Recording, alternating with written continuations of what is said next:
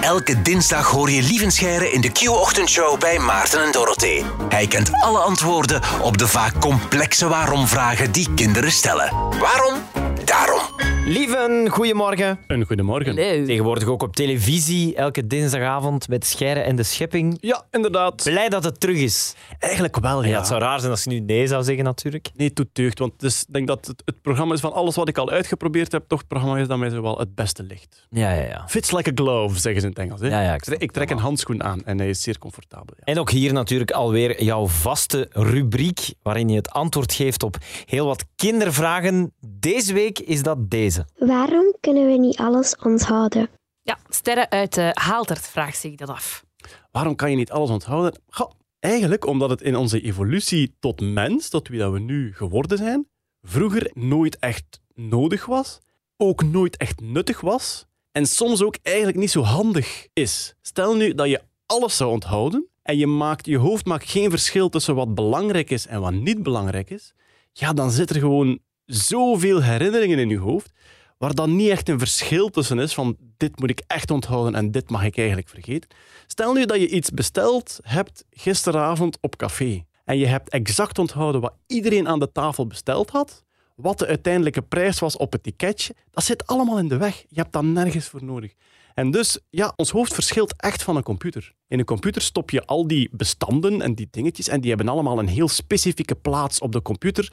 Ja. Zo werkt ons hoofd helemaal niet. Onze hersenen is een gigantisch netwerk van allemaal neuronen die met elkaar verbonden zijn. Hè? En er wordt eigenlijk gezegd, als neuronen tegelijk actief zijn, dan maken ze sterkere verbindingen. En ik denk dat we dat allemaal het beste kennen bij geuren die herinneringen opwekken. Ja. Je hebt een, een huis waar je vroeger gewoond hebt. Je bent er constant binnen en buiten gewandeld en telkens was die geur daar tegelijk met alle indrukken van dat huis. Ja. En zoveel jaar later, als je gelijkaardige geur ruikt, doordat die neuronen van die geur aanschieten, die hebben heel veel verbindingen gemaakt met die neuronen van de indrukken van dat huis. Door die verbindingen activeren die ook die neuronen van dat huis. Dat is een speciaal gevoel, hè? Ja, inderdaad. Ik heb het eens gehad met mijn kleuterschool van vroeger. Oh ja. Echt zo, wow. Ja, zeker die vroege herinneringen, Ja, ja, die al zo lang inactief zijn, opeens schieten die weer aan. Ook alweer als we kijken naar de evolutie als, als dier tot wie we nu geworden zijn als mens.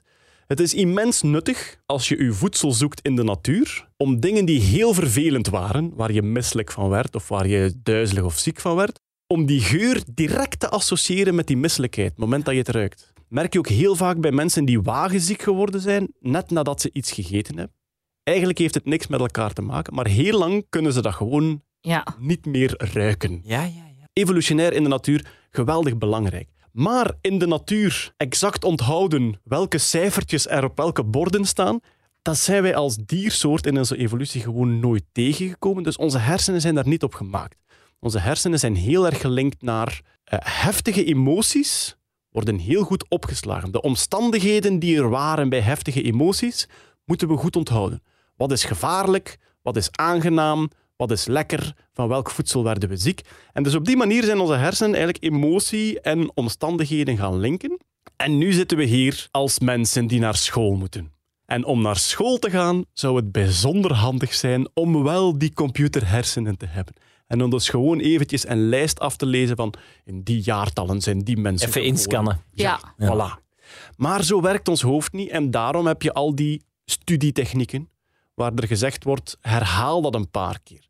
Als je dat een paar keer herhaalt, alweer die verbindingen tussen die neuronen gaan steeds sterker worden. En vooral, je gaat overgaan van je korte termijn geheugen naar je lange termijn geheugen. Dus ja, onze hersenen zijn evolutionair op een andere manier ontwikkeld. Zijn helemaal geen computertjes. Natuurlijk, wat is er ook belangrijk in evolutietheorie? De natuur probeert van alles uit. Dus die maakt allerlei verschillende soorten mensen om eens te zien wat er goed werkt. En dus, er bestaan intussen mensen op deze wereld die echt alles onthouden. Dat zijn mensen, er zijn er een zestigtal bekend momenteel op de aarde. Dat zijn mensen die je tegenkomt en je zegt tegen hen 3 september 1998. En dan zeggen die, ah ja, dat is juist, die was op bezoek, die was op bezoek, die was op bezoek. Ik heb dat gegeten, die heeft dat getrokken, die heeft dat, die heeft dat besteld. Sommige van hen zeggen, het is tof om te hebben. Anderen zeggen, het is geweldig vervelend. Ja, ja. Sommige mensen zeggen, het zit enorm in de weg. Ja, je kunt in de stad lopen en zeggen, ah, hoe is het nog met u? En dan, huh, kennen wij elkaar niet? Ah ja, Ja, ja, je op hebt, 5 september 95 liepen we ook naast elkaar op de mer. je hebt toen Ja. een Fanta gedronken Ja. op dat terras daar. Ja. Dus ja, je kan je hersenen ook anders inrichten. Sommige mensen hebben hersenen die iets meer werken als een computer en die heel goed dingen kunnen opslaan. Maar voor hen zijn vaak andere dingen weer heel moeilijk in het leven. En dus? Waarom kunnen we niet alles onthouden? Omdat het in onze evolutie tot mens nooit echt nuttig geweest is. En ook omdat het vaak niet handig is. Het is veel handiger om belangrijke dingen goed te onthouden en minder belangrijke dingen ook te kunnen vergeten. Merci, lieven. Tot volgende week. Tot dan! Tada. Dit was Waarom Daarom. Luister ook naar de andere afleveringen van deze podcast. Maarten en Dorothee hoor je elke ochtend van 6 tot 10 bij Q-Music.